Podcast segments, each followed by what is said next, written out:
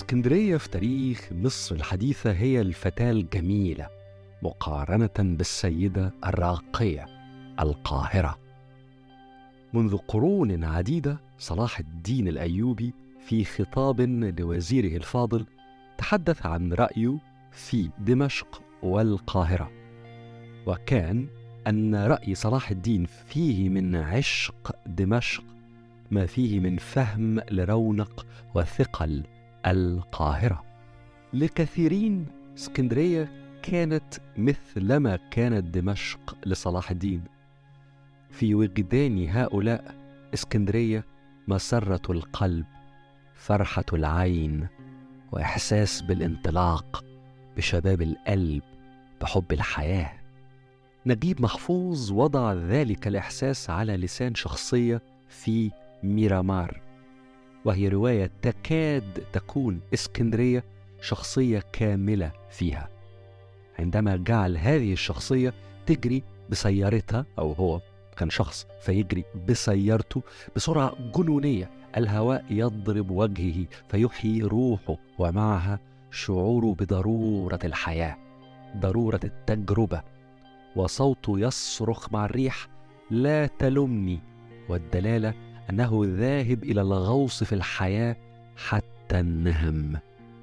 هذا فعل روح اسكندرية.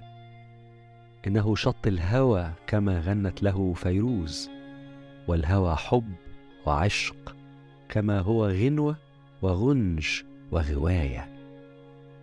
محمد علي باشا كان أول من أدخل اسكندرية في مصر الحديثة كعاصمة الصيف.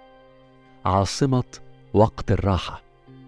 الباشا حتى في عز فترات توسع دولته مثلا وقت فتوحات ابنه إبراهيم باشا في الشام كان يقضي شهور متصلة في اسكندرية. لكن ذوق محمد علي اختلف مع الزمن.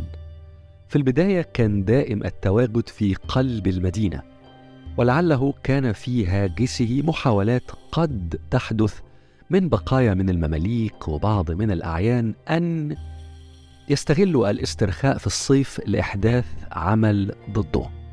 لكن مع مرور السنوات وترسخ دولته بدأ الباشا يبتعد عن قلب المدينة تاركا إياه لمن جاء من القاهرة ومن الأغنياء والوجهاء والطالبين ليكونوا بالقرب من البلاط. أما هو بدأ يخرج إلى الأطراف.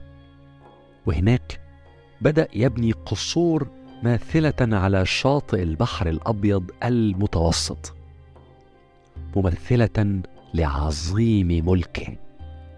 ذلك الذي قلب تاريخ مصر وتاريخ اسكندرية. قصر رأس التين هو أهم تلك القصور. وقد كان أن تطورت مكانة رأس التين في النصف الثاني من القرن التاسع عشر فأصبح المقر الرسمي الصيفي للعائلة المالكة المصرية.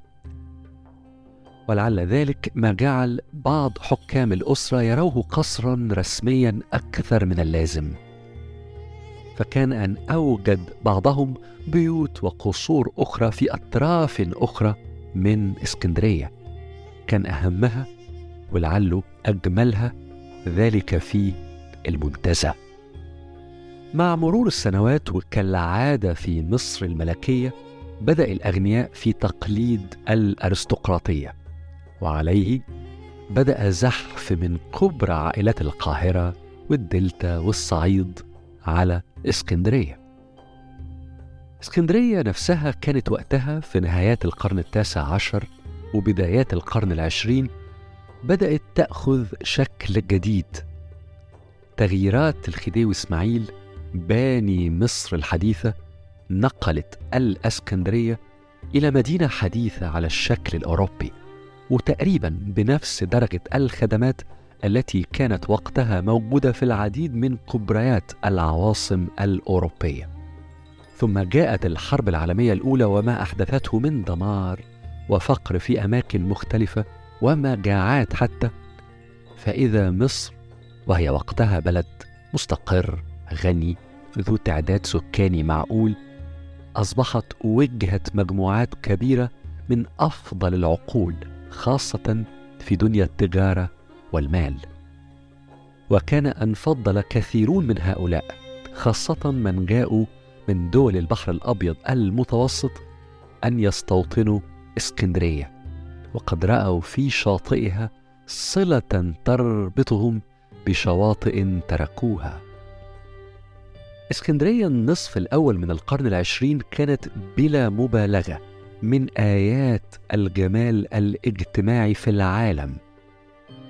ذلك لأنها أصبحت على مر عدد من العقود موطن وبيت مجموعات من أكبر وأنجح الجاليات اليونانية والإيطالية والأرمنية والملطية والشامية واليهودية بالإضافة إلى جاليات أصغر من وسط أوروبا والبلقان.